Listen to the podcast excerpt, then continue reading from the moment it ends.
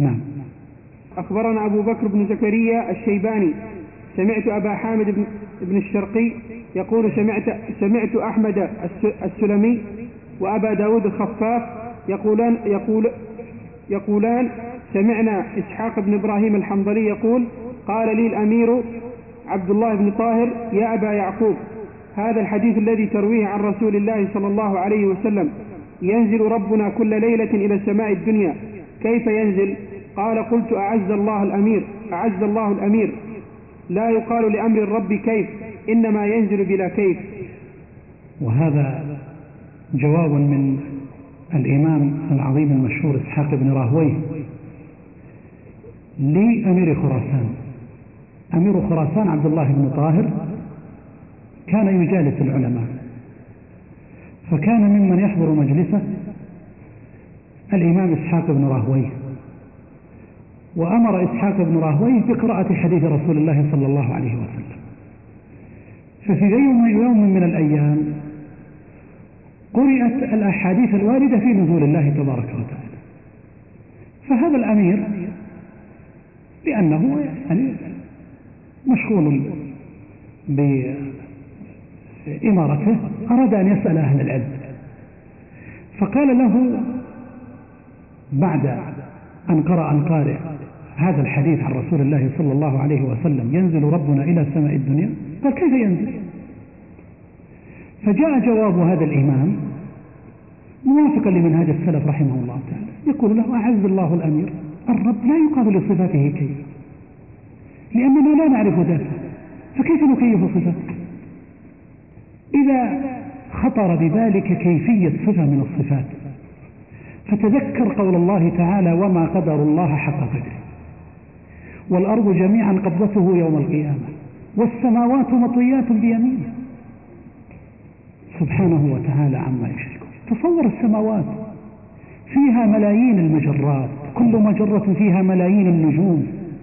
آيات بينات. وأكوان هائلات ومع ذلك والسماوات مطويات بيمينه. كيف يتخيل الإنسان؟ إذا لا يتخيل إلا من وقع في قلبه ضعف إيمان وتشبيه لله بخلقه. فيظن أن الله مثل خلقه مثل الجبل أو الشمس أو الكوكب. لا.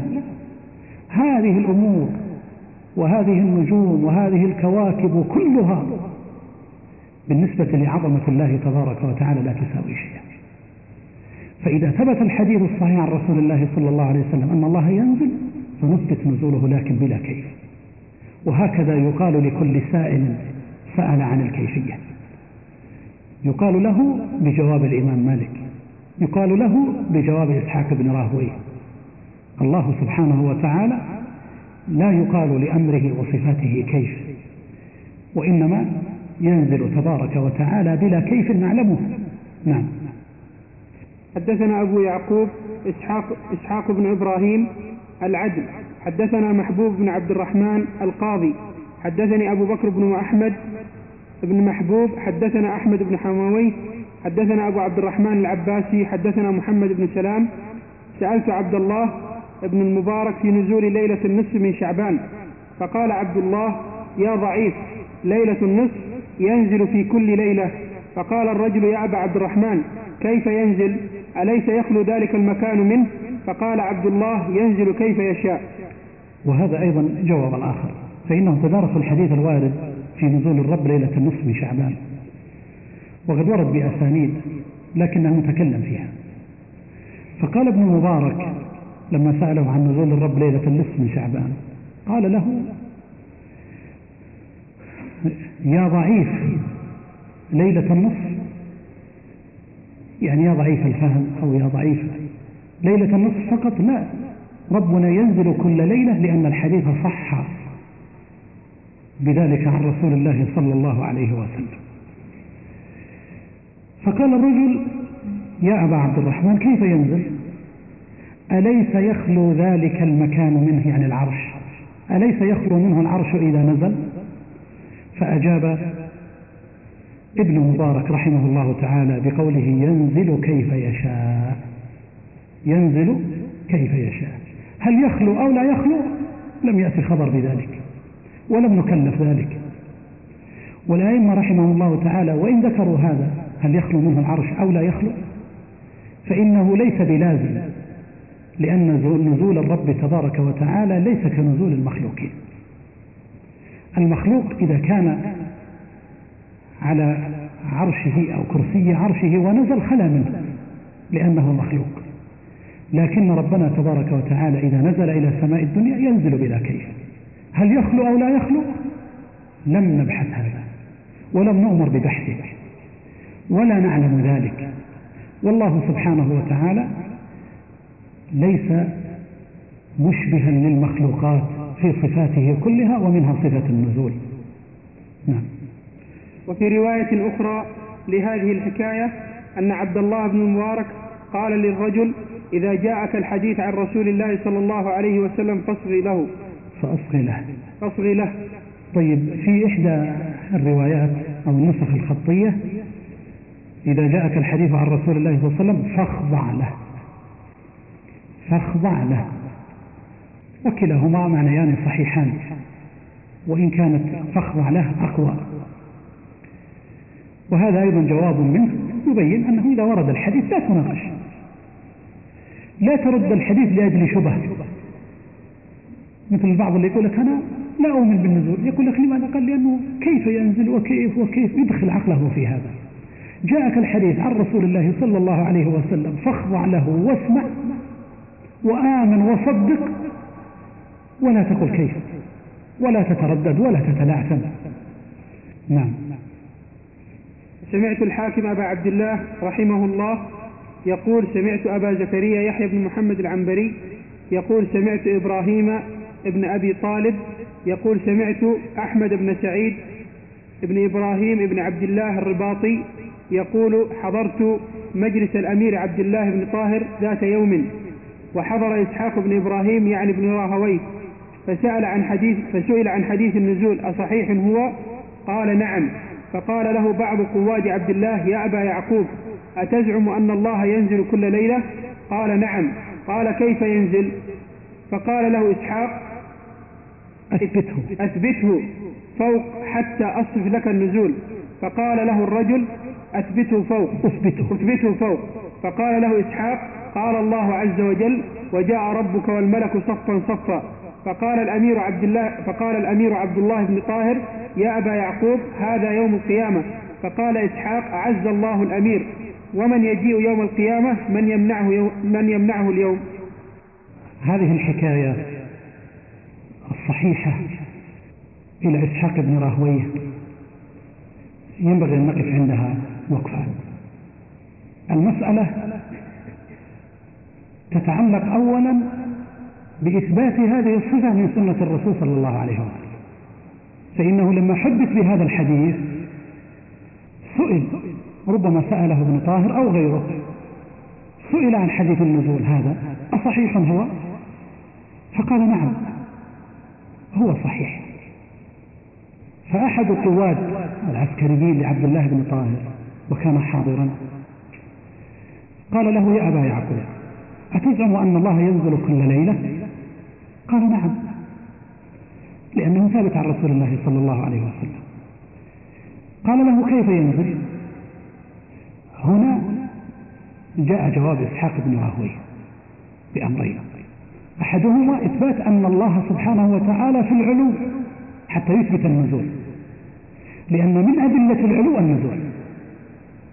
من أدلة أن الله في العلو أحاديث النزول أن الله ينزل لو لم يكن ربنا تبارك وتعالى في العلو لم يكن لإثبات هذه الصفة أي معنى. فقال له أثبته في العلو. أقر لي أولا أن الله في العلو. فقال هذا الرجل خلاص أنا أثبته أن الله سبحانه وتعالى في العلو. كيف ينزل ولهذا قال له أثبته فوق حتى أصف لك النزول. يريد أن يقرره. فقال هذا القائد أنا أثبته أن أثبته فوق أي أثبت أن الله سبحانه وتعالى في السماء فوق المخلوقات. فقال له إسحاق قال الله عز وجل وجاء ربك والملك صفا صفا. وجاء ربك والملك صفا صفا. فأتى له بدليل من القرآن لا يستطيع أن يقول أصحيح هو. فلما جاء الدليل من القرآن قال طيب وجاء ربك. والملك صفا صفا. جاء الاعتراض اعتراض من جانب بعيد يقول فيه ابن طاهر يا أبا يعقوب هذا يوم القيامة. فلا تستشهد لي بأمر لم يأتي بعد وهو يوم القيامة. فجاء الجواب من إسحاق بن راهوي رحمه الله تعالى قائلا أعز الله الأمير من يجيء يوم القيامة من يمنعه اليوم. فإذا كان ورد في القرآن أن الله يجيء يوم القيامة وهذا ثابت في القرآن وأنت تثبته إذا ما المانع أن يجيء وينزل؟ ويقصد بالمجيء الثانية هو النزول. من يمنعه أن ينزل كل ليلة إذا ثبت الحديث عن رسول الله صلى الله عليه وسلم؟ فقطع حجتهم جميعا. بربط القرآن بالسنة وبربط مسألة النزول بالعلو. وهذا من أنواع المحاجة القوية التي تميز بها سلف هذه الأمة رحمهم الله تعالى لصفاء عقيدتهم وقوة إيمانهم. نعم. وخبر نزول وخبر نزول الرب كل ليلة كل, كل ليلة إلى سماء الدنيا خبر متفق على صحته مخرج في الصحيحين من طريق مالك بن أنس عن الزهري عن الأغر وأبي سلمة عن أبي هريرة. أخبرنا أبو علي زاهر بن أحمد حدثنا أبو إسحاق إبراهيم بن عبد الصمد حدثنا أبو مصعب حدثنا مالك وحدثنا أبو بكر بن زكريا حدثنا أبو حاتم علي بن عبي علي بن عبيدان حدثنا محمد بن يحيى قال ومما قرأت على ابن نافع وحدثني مطرف عن مالك رحمه الله. وحدثنا أبو بكر بن زكريا أخبرنا أبو القاسم عبد الله بن إبراهيم بن باكويه حدثنا يحيى بن محمد حدثنا يحيى بن يحيى قال قرأت على مالك عن ابن شهاب الزهري عن ابن عن أبي عبد الله الأغر وأبي سلمة عن أبي هريرة رضي الله عنه أن رسول الله صلى الله عليه أن رسول الله صلى الله عليه وسلم قال ينزل رب ينزل ربنا تبارك وتعالى في كل في كل في كل ليلة إلى السماء الدنيا حين يبقى ثلث الليل الأخير فيقول من يدعوني فأستجيب له فأستجيب. نعم. من يدعوني فأستجيب له من يسألني فأعطيه. فأعطيه نعم. فأعطيه من يستغفرني فأغفر له. فأغفر له. فأغفر له. طيب. حديث النزول حديث متواتر لأنه روي عن عدد من الصحابة. وبطرق متعددة وأفرد بالتأليف. وأفرده شيخ الإسلام ابن تيمية في مصنف مستقل سماه شرح حديث النزول وهو مطبوع مستقلا وأيضا موجود ضمن مجموع الفتاوى التي جمعها ابن قاسم وذكر حديث النزول غالب أئمة السنة رحمهم الله تعالى وعلى رأسهم البخاري ومسلم في صحيحيهما وبقية أئمة السنة. ولا يكاد كتاب أو مصنف في السنة تساق فيه الأسانيد إلا وتذكر فيه. هذه الأحاديث الواردة في نزول الرب تبارك وتعالى. فهو حديث مقطوع به بلا شك وبلا تردد. ثابت عن رسول الله صلى الله عليه وسلم أن الله تبارك وتعالى ينزل كل ليلة. نزول الرب كل ليلة أيها الإخوة ليس مما ينبغي أن نؤمن به ونصدق به بعقولنا فقط. لكن قفوا معه وقفة وقفة إيمانية أيها الإخوة نزول الرب كل ليلة حين يبقى ثلث الليل الآخر. ينزل ربنا تبارك وتعالى ويقول من يدعوني فأستجيب له من يسألني فأعطيه من يستغفرني فأغفر له. متى يكون هذا في آخر الليل؟ في آخر الليل حينما تهدأ العيون وينام كثير من الناس بل إن كثيرا من الناس في هذه الأزمنة المتأخرة التي كثرت فيها الغربة وعظمت. كثير منهم لا ينام إلا عند نزول الرب تبارك وتعالى.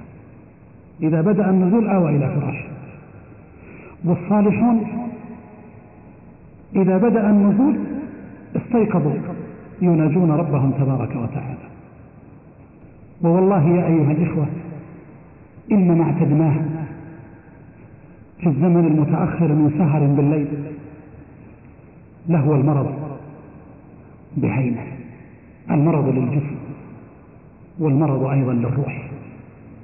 ضعف الإيمان وضعفت صلتنا بالواحد الديان.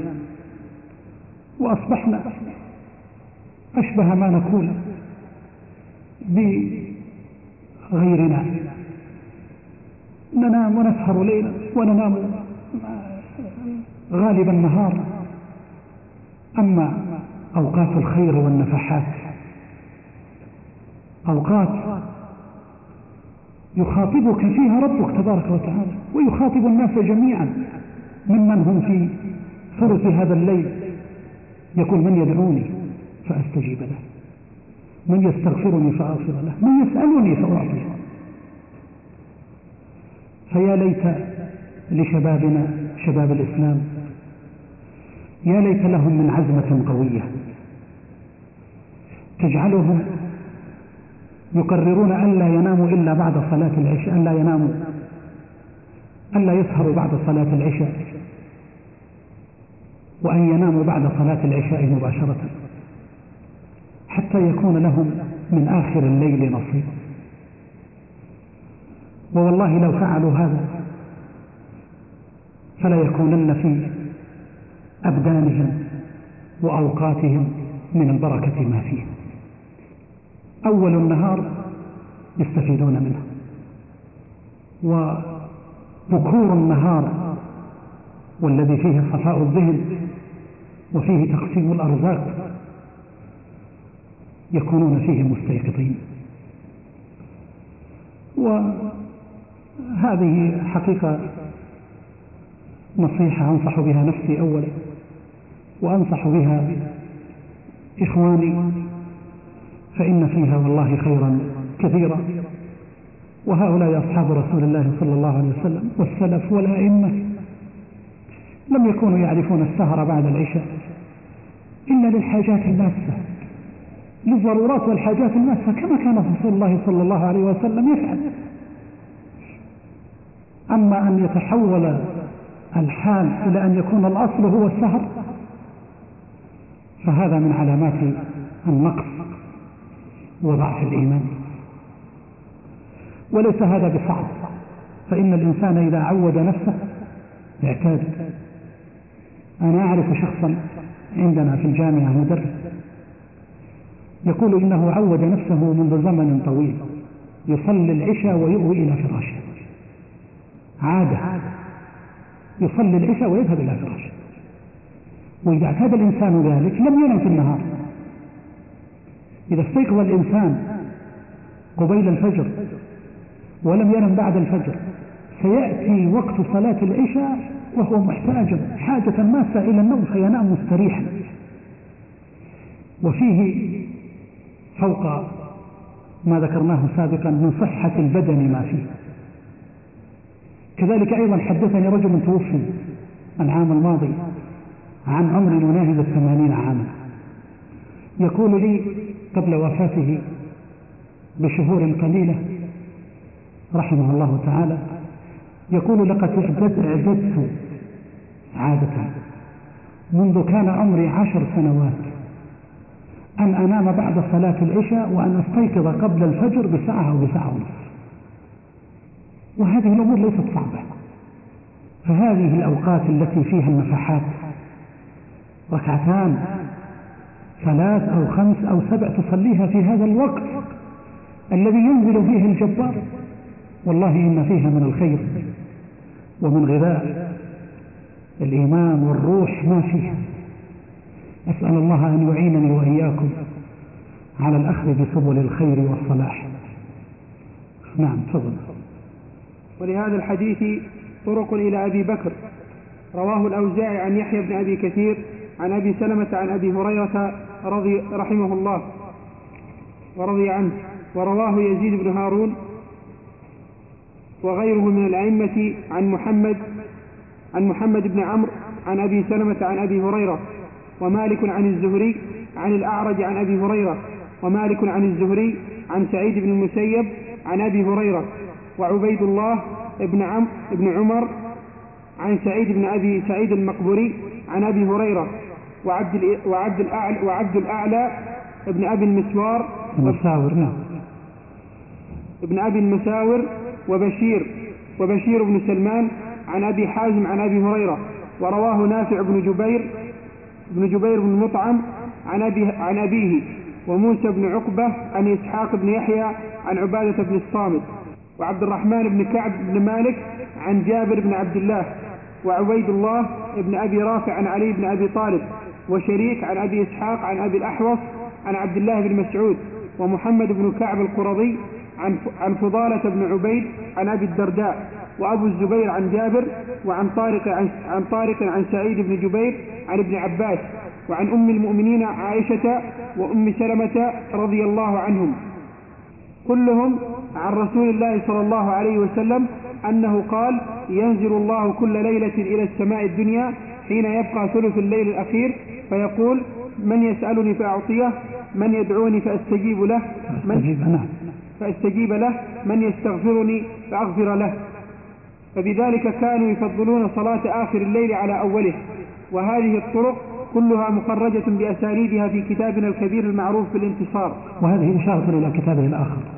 والروايات السابقة هي إشارات مختصرة جدا إلى روايات هذا الحديث عن أصحاب رسول الله صلى الله عليه وسلم. وهذه الروايات عن الصحابة عن عبادة عن أبي الدرداء عن عائشة عن أم سلمة عن أبي هريرة وغيرهم فيها أسانيد ضعيفة. لكن هذه الأسانيد الضعيفة لا تقدح في الأسانيد الأخرى الصحيحة. لأنه هكذا الأحاديث المروية تروى أحيانا بأسانيد صحيحة ثم تروى بطرق أخرى تكون ضعيفة أو فيها ما هو أشد من الضعف من الكذابين أو غيرهم. لكن الخلاصة أن هذا الحديث مروي عن عدد من الصحابة وأنه بالغ مبلغ التواتر فلا شك فيه أبدا. وهذا الذي قصده المؤلف رحمه الله تعالى حين أشار إلى تلك الروايات لهذا الحديث النبوي. لبيان أن هذه الأحاديث الواردة في النزول ليست حديثا واحدا فردا يأتي إنسان ليطعن فيه. وإن كنا نقول لو أن هناك حديثا فردا ثابتا صحيحا ليس فيه إلا ولا شذوذ فإننا نأخذ به ولو كان فردا. فكيف إذا ورد بأسانيد غالبها صحيح ثابت عن رسول الله صلى الله عليه وسلم؟ إن هذا مما لا يتردد فيه مؤمن والحمد لله رب العالمين. أظن بالنسبة للطبعة المشهورة التي معكم وقفنا على صفحة 36 أليس كذلك؟ تفضل اقرأ. بسم الله والصلاة والسلام على رسول الله. وهذه الطرق كلها مخرجة بأسانيدها في كتاب الكبير المعروف بالانتصار هذا لفظ أبي سلمة والأغر عن أبي هريرة. في رواية يزيد بن هارون عن محمد بن عمرو أبي سلمة عن أبي هريرة والأوزاعي عن يحيى بن أبي كثير عن أبي سلمة عن أبي هريرة رضي الله عنه عن رسول الله صلى الله عليه وسلم. قوله عن أبي هريرة ثم بعدين قوله والأوزاعي في المخطوطة سقط ما عثرنا عليه إلى الآن. فينتبه إلى أن بين أبي هريرة والأوزاعي كأنه جمع إسنادين. فقال عن أبي هريرة انتهى. بعدين قال وإسناد آخر فيه الأوزاعي عن يحيى عن أبي كثير عن أبي سلمة عن أبي هريرة. فانتبهوا لهذا. يعني بين أبي هريرة بين كلمة أبي هريرة والأوزاعي فيه سقط. نعم. إذا مضى نصف الليل أو ثلثاه ينزل الله إلى السماء الدنيا فيقول هل من سائل فيعطى هل من داع فيستجاب له؟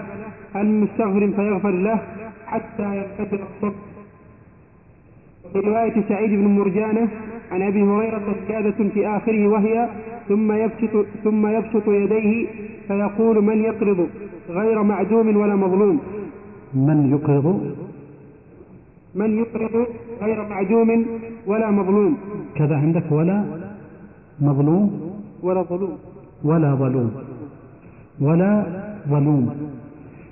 وفي إحدى النسخ الخطية ولعلها أصوب غير عدوم ولا ظلوم. من يقرض غير عدوم ولا ظلوم. ومعنى عدوم أي فقير أي فقير ومعدم هذا معناها. ولا ظلوم أي يظلم بأن لا يضع الأمر في موضعه الصحيح لأن ظلمه تجاوز الحد ووضع الأمر في غير موضعه فقوله من يقرض غير عدوم ولا ظلوم معناه من يقرض ربه تبارك وتعالى وهو سبحانه وتعالى الغني الحكم العدل تبارك وتعالى. نعم. وفي رواية أبي حازم عن أبي هريرة عن رسول الله صلى الله عليه وسلم أن الله ينزل إلى سماء الدنيا في ثلث الليل الأخير فينادي هل من سائل فأعطيه هل من مستغفر فأغفر له فلا يبقى شيء فيه الروح إلا علم به إلا الثقلان الجن والإنس. قال وذلك حين تصيح الديكة وتنهق الحمير وتنبح الكلاب. هذه الرواية رواية غريبة. آه، لم حقيقة. نعثر عليها في الكتب حتى الكتب التي أفردت النزول مثل كتاب النزول للدار قطني. ومن ثم يكتفى بغيره من الروايات. وقوله هنا لا يبقى شيء فيه الروح إلا علم به إلا الثقلان الجن والإنس. قال وذلك حين تصيح الديكة. أو يصيح الديك في بعض ألفاظ في بعض النسخ الخطية وتنهق الحمير وتنبح الكلاب. فيه غرابة في المعنى لأن المعنى كأنه يوحي أن هذه الحيوانات إذا علمت بنزول الله تبارك وتعالى وقع منها ما وقع إلا الجن والإنس. فالله أعلم بصحة هذه الرواية. نعم. وفي رواية موسى بن عقبة عن إسحاق بن يحيى عن عبادة بن الصامت زيادات حسنة وهي التي أخبرنا بها أبو يعلى حمزة بن عبد العزيز المهلبي قال أنبأنا عبد الله بن محمد الرازي قال أنبأنا أبو عثمان محمد بن عثمان بن أبي سويد قال حدثنا عبد الرحمن يعني ابن المبارك قال حدثنا فضيل بن سليمان. لعلها أبو عبد الرحمن نعم. نعم. عن موسى بن عقبة عن إسحاق بن يحيى عن عبادة بن الصامت قال قال رسول الله صلى الله عليه وسلم ينزل الله تبارك وتعالى كل ليلة إلى السماء الدنيا حتى يبقى ثلث الليل الأخير فيقول ألا عبد ألا عبد من عبادي يدعوني فأستجيب له ألا ظالم ألا ظ... ألا ظالم لنفسه يدعوني فأغفر له ألا مقتر مقتر مقتر. مقتر نعم. مقتر عليه رزقه فيدعوني فأرزقه ألا مظلوم يذكرني فأنصره ألا عاني يدعوني فأفكه؟ قال فيكون كذلك إلى أن يطلع الصبح ويعلو على كرسيه. نعم. وفي رواية أبي الزبير طبعا عن قوله ألا مقتر المقتر معناه معروف مقتر عليه في رزقه يعني مضيق فهو فقير. وقوله ألا عان يدعوني فأفكه العاني هو الأسير. الأسير بيد العدو فأفكه أي أفك أسره. قال فيكون ذلك إلى أن يطلع الصبح ويعلو على كرسيه. قوله ويعلو على كرسيه الله أعلم بصحة هذه الرواية فإن إسنادها هنا ليس بصحيح بل هو منقطع نعم. وفي رواية أبي الزبير عن جابر من طريق مرزوق أبي بكر الذي أخرجه محمد بن إسحاق بن خزيمة مختصرة. نعم. ومن طريق أيوب عن أبي الزبير عن جابر الذي خرجه الحسن بن سفيان في مسنده. ومن طريق هشام الدستوائي عن أبي الزبير عن جابر أن رسول الله صلى الله عليه وسلم قال إن عشية عرفة ينزل الله فيه إلى السماء الدنيا فيباهي بأهل الأرض أهل السماء ويقول انظروا إلى عبادي شعثا غبرا ضاحين جاءوا من كل فج عميق يرجون رحمتي ولم يروا عذابي فلو فلم يرى فلم يرى يوم أكثر عتيقا من النار من يوم عرفة الأحاديث السابقة التي تكلمنا عنها في الدرس الماضي هي أحاديث النزول. وقد أوردها الشيخ مختصرة برواياتها وطرقها. وكل ذلك كما سبق يدل على أن أحاديث نزول الله تبارك وتعالى أحاديث متواترة. وهذه الطرق التي ذكرها أو الروايات وإن كان بعضها منقطعا أو بعضها ضعيفا فإن هذا لا يؤثر في صحة أسانيد أحاديث النزول كما قلنا إنها متواترة. والحديث المتواتر إذا روي عن عدد من الصحابة من طرق متعددة كما عرف العلماء ما رواه جمع عن جمع يستحيل تواطؤهم على الكذب. أقول إن الحديث المتواتر قد يرد بروايات أخرى أو بطرق أخرى فيها ضعف. ولا يؤثر هذا على الحديث الأصل. فالحديث مثلا قد يكون في صحيح البخاري. حديث ثابت عن رسول الله صلى الله عليه وسلم بإسناد البخاري ومسلم. ثم تطلع على كتاب آخر ولنقل المسند أو معجم الطبراني أو مسند أبي يعلى الموصلي أو صحيح ابن حبان أو حتى بعض كتب السنة.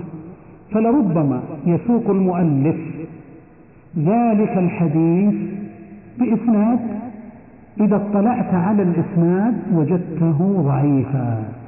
لكن متن الحديث رواه البخاري وهذه فائدة مهمة.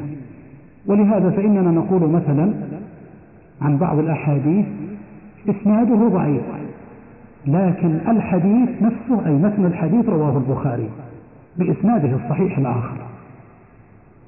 فمثل هذه الروايات التي ذكرها المؤلف رحمه الله تعالى وإن كان في بعض طرقها ضعف إلا أن هناك طرقا كثيرة تدل على ثبوت أحاديث النزول.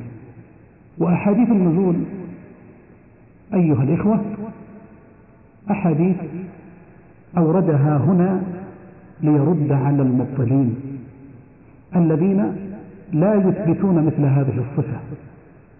وقد تستغربون وتقولون ولماذا أكثر الروايات؟ الدرس الماضي وهذا الدرس في غالبه كله بأسانيد وروايات وطرق ليثبت حديث النزول لماذا لم يكتفي بحديث واحد؟ ونقول إن الشيخ إنما أشار إلى هذه الطرق ليبين أولا أن هذه الصفة ثابتة لله سبحانه وتعالى بطرق صحيحة. وليبين ثانيا أن من ثبتت عنده هذه الصفة وأثبتها لله كما يليق بجلاله وعظمته فإنه لا بد أن يثبت الأحاديث الأخرى الواردة في الصفات. فكأنه يعطيك أمثلة. ولأن حديث النزول ليس كخبر الاستواء. صفة الاستواء وردت في القرآن الكريم ووردت في سنة رسوله صلى الله عليه وسلم. لكن حديث النزول إنما ورد في الحديث فقط. فأراد أن يركز على بيان أن الحديث إذا جاءت طرقه صحيحة دالة على صفة من صفات الله تبارك وتعالى فمنهج أهل السنة والجماعة إثبات هذه الصفة كما يليق بجلاله وعظمته بدون تردد. ومن أثبت لله صفة النزول أثبت لله المجيء أثبت لله الإتيان أثبت لله الوجه أثبت لله القدم لأن هذه الصفات ثابتة في الأحاديث الصحيحة. ثم إن الشيخ ذكر في الرواية الأخيرة حديث جابر رضي الله عنه أن رسول الله صلى الله عليه وسلم قال إن عشية عرفة ينزل الله فيه إلى السماء الدنيا. ونزول يوم عرفة نزول خاص بذلك اليوم. لأن الأحاديث السابقة دلت على نزول الله تبارك وتعالى حين يبقى ثلث الليل الآخر. ونزول عرفة إنما يكون عشية عرفة. أي مساء يوم عرفة وقت الوقوف. هذا النزول يكون ليوم عرفة وهو نزول نثبته لله سبحانه وتعالى كما يليق بجلاله وعظمته. يقول في الحديث فيباهي بأهل الأرض أهل السماء ويقول انظروا إلى عبادي شعثا غبرا. شعث يعني شعث الرؤوس لأنهم محرمون. غبرا قد علتهم الغبرة لأنهم تنقلوا من مكان إلى مكان ولأنهم أيضا محرمون لا يغطون رؤوسهم. ثم يقول ضاحين. والضاحي هو البارز ولذلك سمي الضحى ضحى لأن الشمس تشرق فيه وتبرز فيه الأشياء. ضاحين جاءوا من كل فج عميق يرجون رحمتي ولم يروا عذابي فلم يرى يوم أكثر عتيقا من النار من يوم عرفة. وهذا حديث صحيح الإسناد إلى رسول الله صلى الله عليه وسلم. لذا فإننا نقول إن النزول يكون في ثلث الليل الآخر ويكون أيضا النزول في عشية يوم عرفة وهو نزول نثبته على ما يليق بجلال الله وعظمته. أما أولئك المبطلون الذين لم يثبتوا هذه الصفة على منهج السلف الصالح فبعضهم رد هذه الأحاديث. كما سبق بيان من يرد خبر الأحد. وبعضهم أثبت الحديث في ذلك لكنه تأوله. فقال في مثل حديث ينزل ربنا قال فيه مجاز بالحذف. والمعنى ينزل أمر ربنا أو رحمة ربنا أو ملك من الملائكة. لأنه يقول إن النزول من صفات الأجسام والله منزه عنه. ونحن نقول لهذا المتأول إن تأويلك هذا يرد النص ولا يتمشى مع دلالة هذا النص أبدا.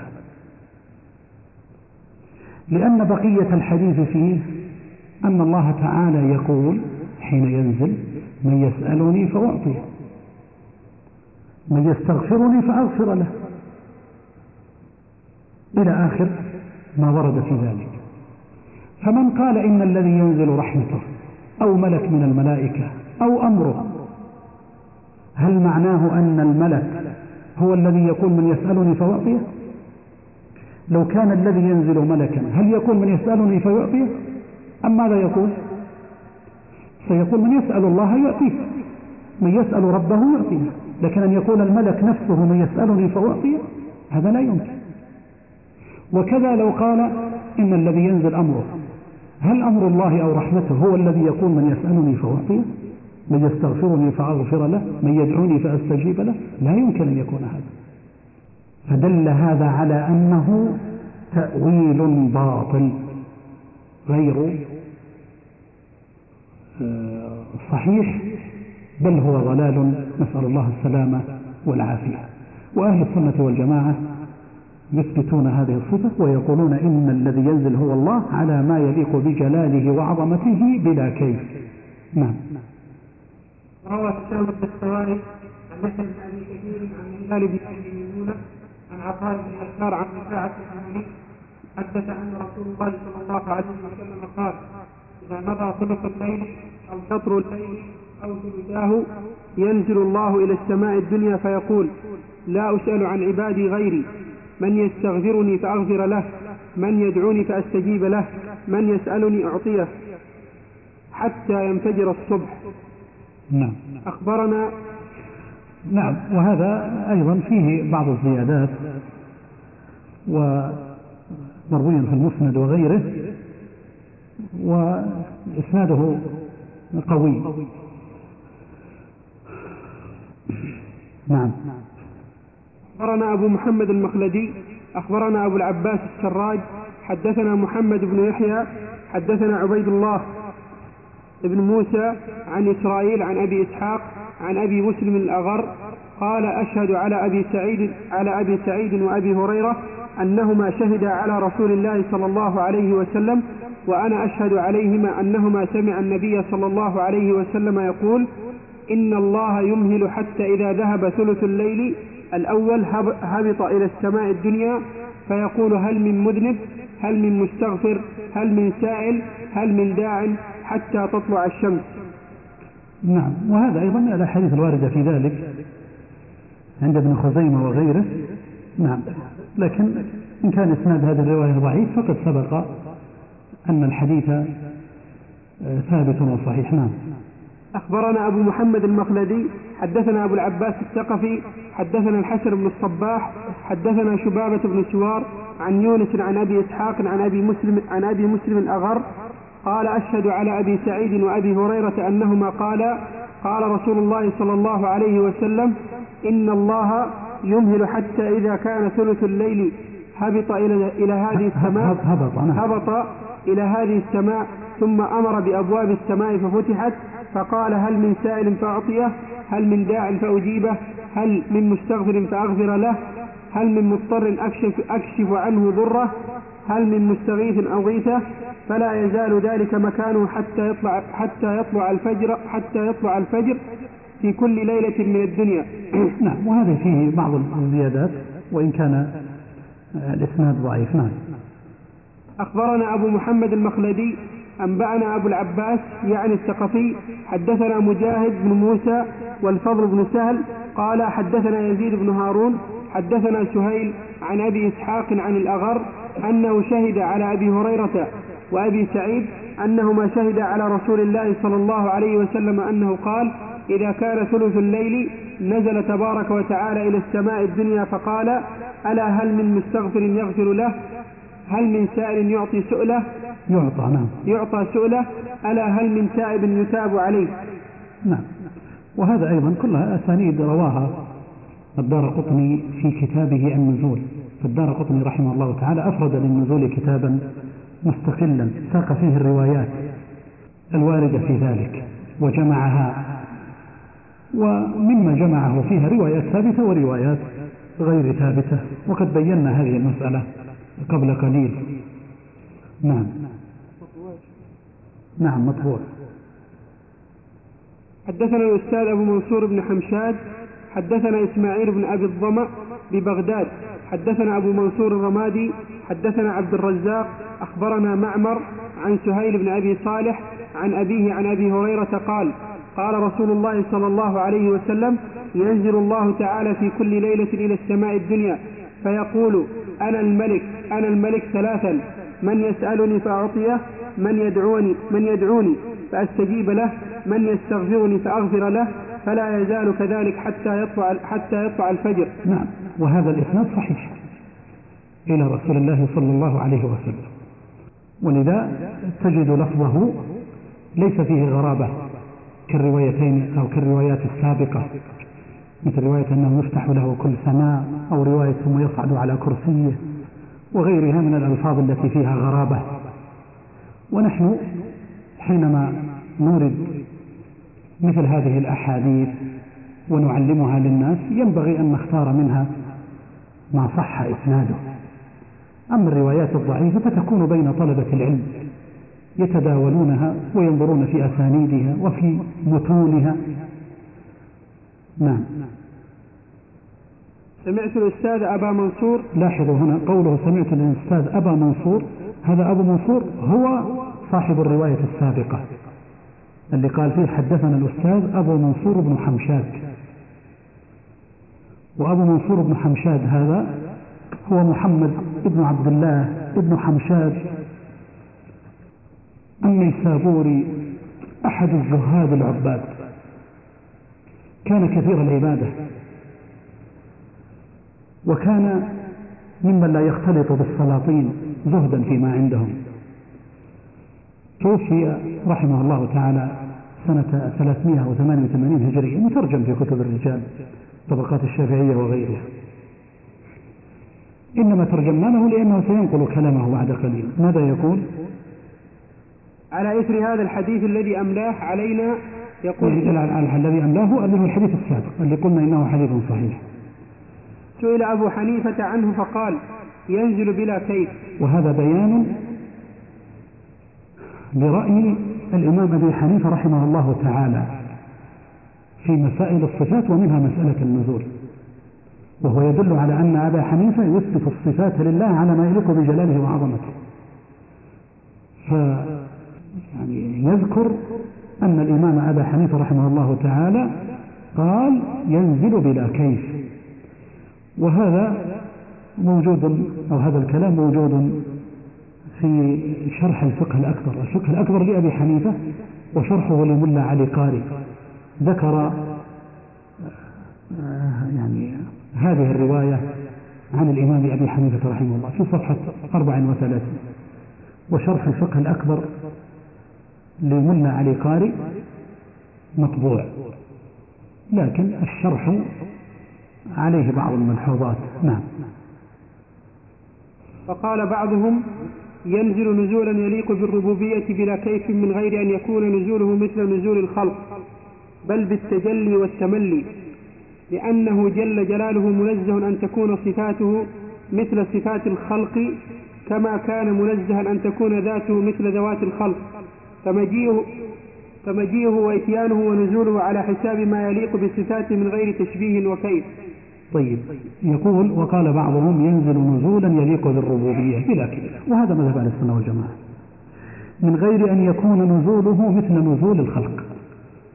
وهذا واضح. ثم قال بل بالتجلي والتملي. كلمة بالتجلي لعلها خطأ. صوابها بالتخلي. فتكون العبارة بل بالتخلي والتملي. ومعناها بخلو مكان وملء آخر. بخلو مكان وملء آخر. من هو هذا القائل؟ لم يخبرنا الشيخ الصابوني من هو القائل وإنما قال وقال بعضهم ينزل نزولا يليق بالربوبية. فلم يذكر لنا من هو هذا العالم القائل بأنه ينزل نزولا يليق بالربوبية بلا كيف وليس نزولا مثل نزول الخلق وأضاف بقوله بل بالتخلي والتملي. ولعل هذا القائل يقول أو يعرض أو يعرض بمسألة هل يلزم من نزول الرب تبارك وتعالى أن يخلو منه العرش؟ وفي المسألة كما ذكر شيخ الإسلام ابن تيمية وغيره في المسألة ثلاثة أقوال. القول الأول أنه تبارك وتعالى ينزل ولا يخلو منه العرش لأن نزوله ليس كنزول المخلوقين القول الثاني أنه ينزل ويخلو منه العرش. ولعل قائل ما ذكرناه قبل قليل قصد هذا حينما قال بل بالتخلي والتملي أي أن النزول يكون بخلو العرش وملء غيره. القول الثالث هو التوقف في هذه المسألة لأنه لم يرد فيها دليل صحيح عن رسول الله صلى الله عليه وسلم. فيقول أنا لا أقول يخلو منه ولا لا يخلو منه وإنما أثبت هذه الصفة كما يليق بجلاله وعظمته بلا كيف. وبكل واحد من هذه الأقوال الثلاثة قال بعض الأئمة ولعل السكوت عن هذا أولى أي أننا لا نتكلم فيما لا, نتكلف ما لا يعنينا فلا نقول يلزم الخلو أو لا يلزم الخلو أو نحو ذلك. وإنما نثبت هذه الصفة لله سبحانه وتعالى كما يليق بجلاله وعظمته بلا كيف. يليها قول من يقول إنه لا يخلو منه العرش. وهو قول قوي قال به جمهرة من أئمة السنة. وأضعف الأقوال هو القول الأول القول بأنه يخلو منه العرش لأنه لا دليل عليه. ثم يقول الشيخ فإنه لأنه جل جلاله منزه أن تكون صفاته مثل صفات الخلق كما كان منزها أن تكون ذاته مثل ذوات الخلق. وهذه هي القاعدة في الصفات التي ذكرها شيخ الإسلام ابن تيمية في كتبه ومنها التدمرية. فإنه ذكر من الأصول والقواعد في باب الصفات أن القول في الصفات كالقول في الذات. فكما أن لله ذاتا لا تشبه ذوات المخلوقين فكذلك لله صفات لا تشبه صفات المخلوق. من أين أتى شيخ الإسلام ابن تيمية رحمه الله بهذه القاعدة؟ أتى بها من كلام علماء السلف ومنها هذا هذا الذي نقله الصابوني رحمه الله تعالى هنا عن بعض الأئمة. وهذه قاعدة وأصل كبير جدا في باب الصفات.